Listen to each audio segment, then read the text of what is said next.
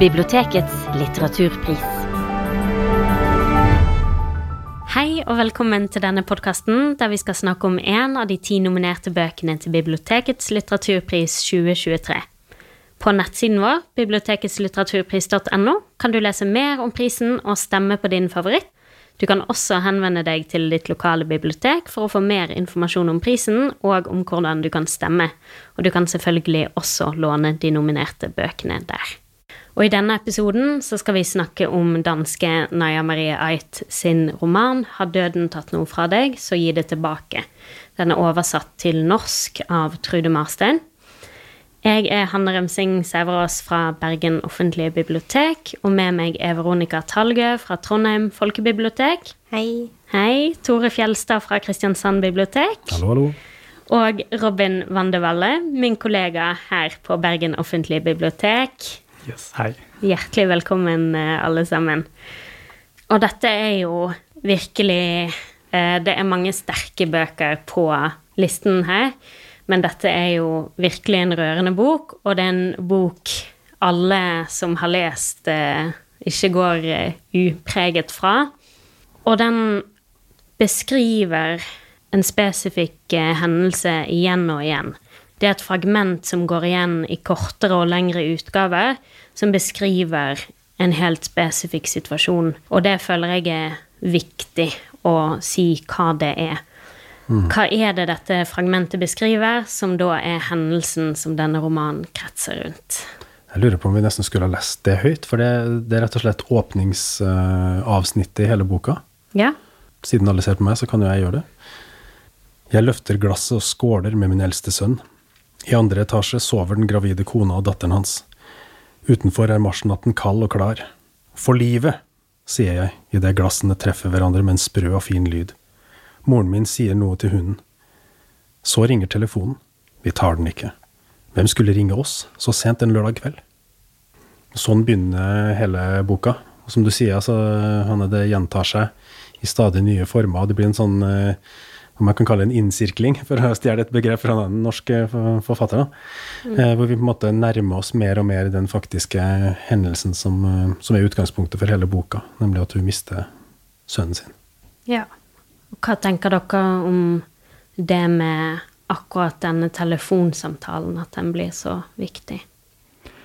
Det er jo på en måte da hun får vite det, ikke sant. Altså, sønnen er 25 år og dør i en ulykke.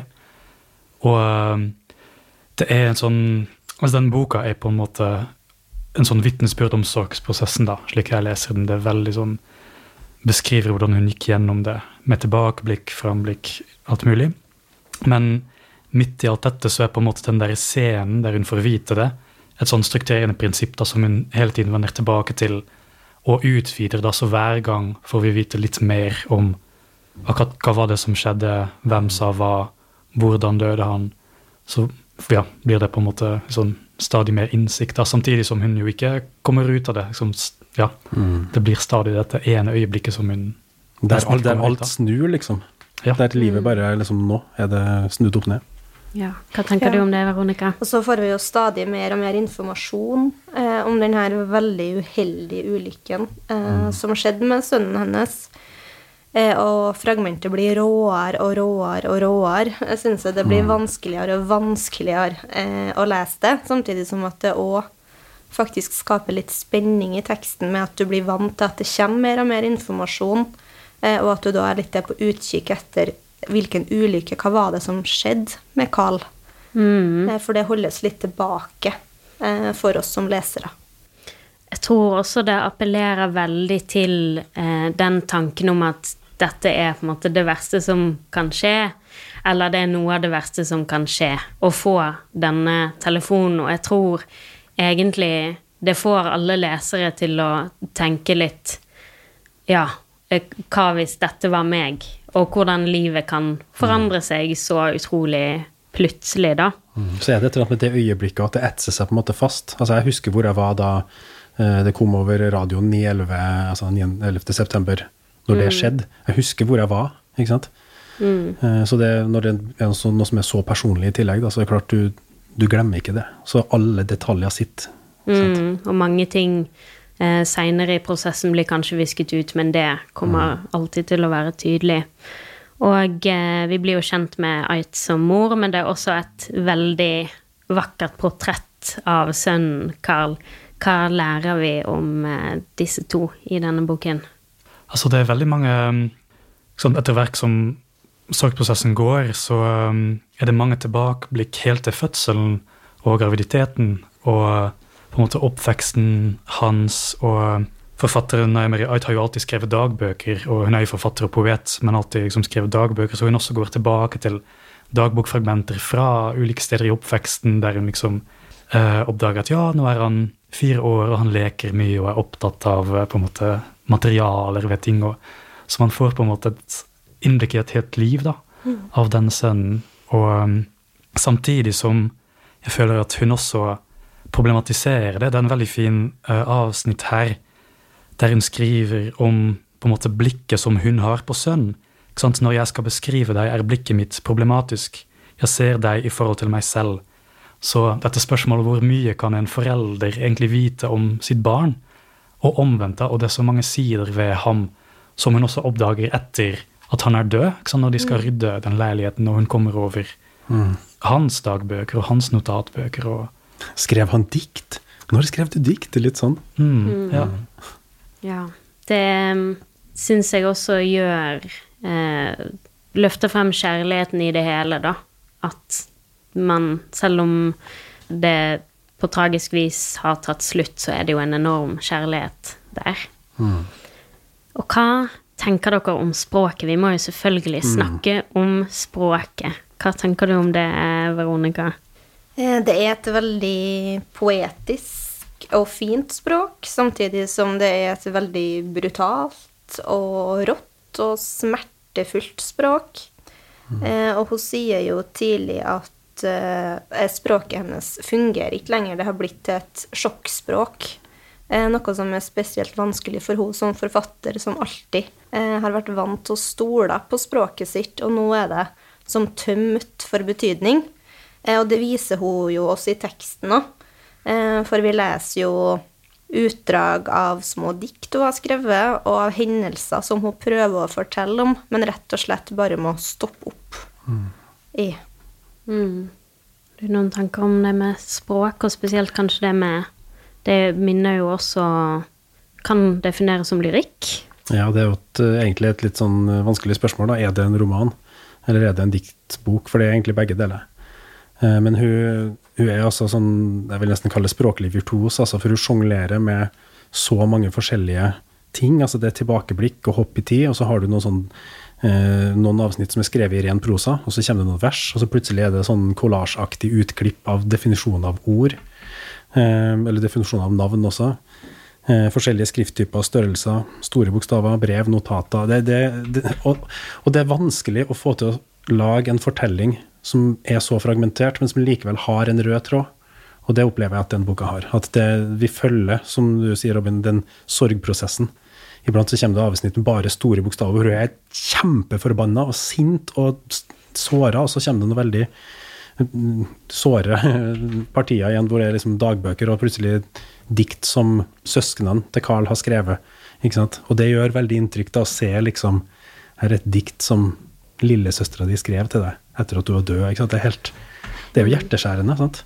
Men, det er, en- det, sånn knivsegg da, å skrive om noen ting som er så grunnleggende forferdelig, uten at det blir melodramatisk, uten at det blir klisjéfylt. Og der syns jeg Naya Marie Aite er, er veldig, veldig god språklig. Virkelig. Og det føles så ekte og så autentisk. Og liksom å se henne som språkmektig forfatter som hun er, sliter med formen. Ikke sant? Og ikke finne ord for å uttrykke det hun føler. Og det er så Ja, det føles veldig sterkt å lese, da. Og en annen ting som preger formen, vil jeg si, er jo alle de Hun siterer jo mange andre dikter også, ikke sant? Eh, mye dikt av Mallarmé, eksempel, og av eh, ja, Inger Christensen. Mange ulike dikt som også handler om sorg, så hun har på en måte gått til ja, de andre forfatterne som har skrevet om, om lignende ting, da.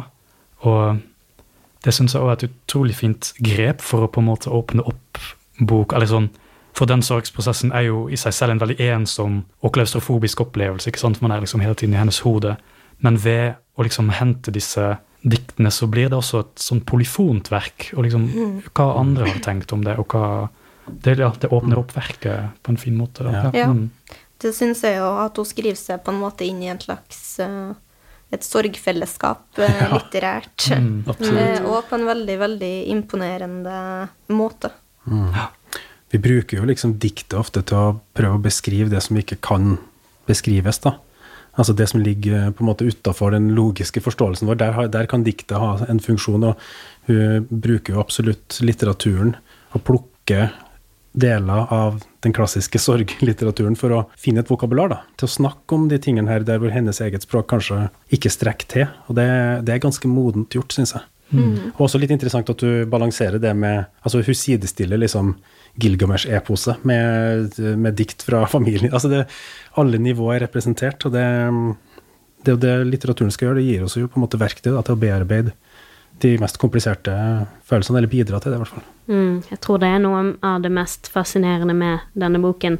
Og Mallarmé brukte jo også det blanke arket, eller han brukte tomrommet mellom ordene også for å illustrere noe, og det gjør at også hun bryter det opp, da. Og, og det er akkurat som det også uttrykker noe i seg selv. Det at av og til så kommer ordene faktisk til kort, da. Og siden jeg tenker på det som en av de beste bøkene jeg har lest om sorg. Eh, hva tenker dere denne boken sier om sorg? Um, jeg syns at altså, det kommer en veldig fin ting på slutten av boka. For det liksom, Man kan jo lure på sånn vanligvis når vi snakker om en roman, sånn, hva er utviklinga, og, og finne rundt på en måte en vei ut av den sorgen. Og det er på en måte poenget at hun, hun gjør jo ikke det, for man, man gjør ikke det når, når et barn har dødd. Men så skriver hun mot slutten dette her, jeg tenker på barna mine hver dag, jeg har alltid tenkt på barna mine hver dag. At ett av dem er dødt, betyr ikke at jeg tenker mindre på ham. Tvert imot, jeg opplever det som pressende nødvendig å tenke enda mer på ham. Og ehm, jeg tenker på det døde barnet mitt, hans tid og hans liv er foldet inni meg. Jeg har født ham, jeg skal romme hans død også. Så at hun på en måte At hun ehm, skriver også min sorg er like stor som min kjærlighet, og at det fins noe ja, vakkert i det òg, da. At eh, sant, jeg har båret ham frem, og nå skal jeg liksom holde ham fast i meg også. Fordi jeg er jo hans mor, selv om han ikke fins lenger i verden. Så fins han i meg, og så um, føler jeg at hun, hun finner en slags sånn måte å omgås med det på, da. Som, ja, som betyr å ta vare på ham, og at den der omsorgen som en mor har for et barn, ikke slutter. Og at hun derfor per definisjon ikke slutter å være mor bare fordi barnet har forsvunnet. Slik jeg leser det. Mm. Jeg syns hun speiler sorgens mangslungne faser på en veldig god måte. At det varierer fra fragment som er veldig sånn nostalgisk, der hun er i stand til å minnes hvordan Carl var som barn, og til å prøve å ikke tenke hva om. Hva hvis det har vært litt annerledes eh, i den ulykken som skjedde.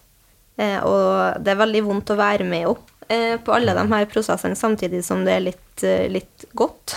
Ja. fordi at sorg er jo noe vi alle kommer i kontakt med på en eller annen form i løpet av livet, så selv om det her er en veldig sånn spesifikk og rå situasjon, så føles det veldig, veldig allmenngyldig. Eh, det hun gjennomgår, syns jeg, det å, ikke, det å leve i en slags ikke-virkelighet der tida stopper opp, og der du de tingene du vanligvis kan stole på, som skriftspråket og barna dine, det kan du faktisk ikke lenger. Så jeg føler det er en veldig sånn realistisk speiling av sorgen. Altså, jeg syns jo Hun siterer jo eh, Nick Cave, blant annet i denne uh, boka her. Og det er jo med bakgrunn i at Nick Cave har også mista eh, mista en 15 år gammel sønn eh, som hadde tatt eh, noe LSD og falt utfor en skråning og dødd.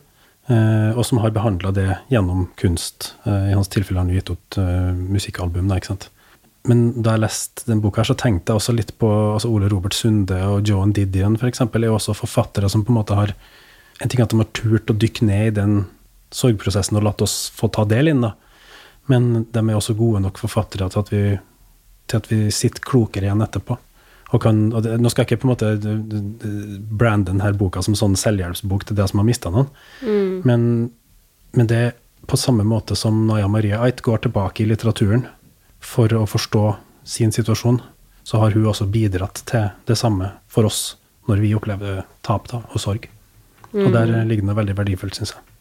Og jeg syns absolutt ikke det at det er et tungt tema betyr at man ikke bør plukke opp denne boken, for det er virkelig helt fantastisk eh, stykke litteratur. Det er en av de få oversatte bøkene på listen blant de nominerte, og som sagt, det er en bok man ikke kan lese uten å bli virkelig berørt. Tror dere denne boken kan vinne eh, bibliotekets litteraturpris i år? Ja. Ja. Jeg syns jo det. Ja, det absolutt. Det ville ha fortjent det. Det er vi i hvert fall helt enige om. mm, Fordi, som du sier, at den er bra som litteratur, som et kunstverk, men òg fordi den er så sterk i tematikken og så virkningsfull for leseren, da. Du blir skikkelig preget av å lese den. Så den ja, hadde absolutt fortjent å vinne denne prisen, syns jeg. Og om den kan nå ut til enda flere lesere, så vil det være en eh, fantastisk ting, tenker jeg. Tusen takk, alle tre, for utrolig innsiktsfulle poeng om denne uforglemmelige boken. Takk. Takk. Husk å stemme på din favoritt på biblioteketslitteraturpris.no innen 6. september.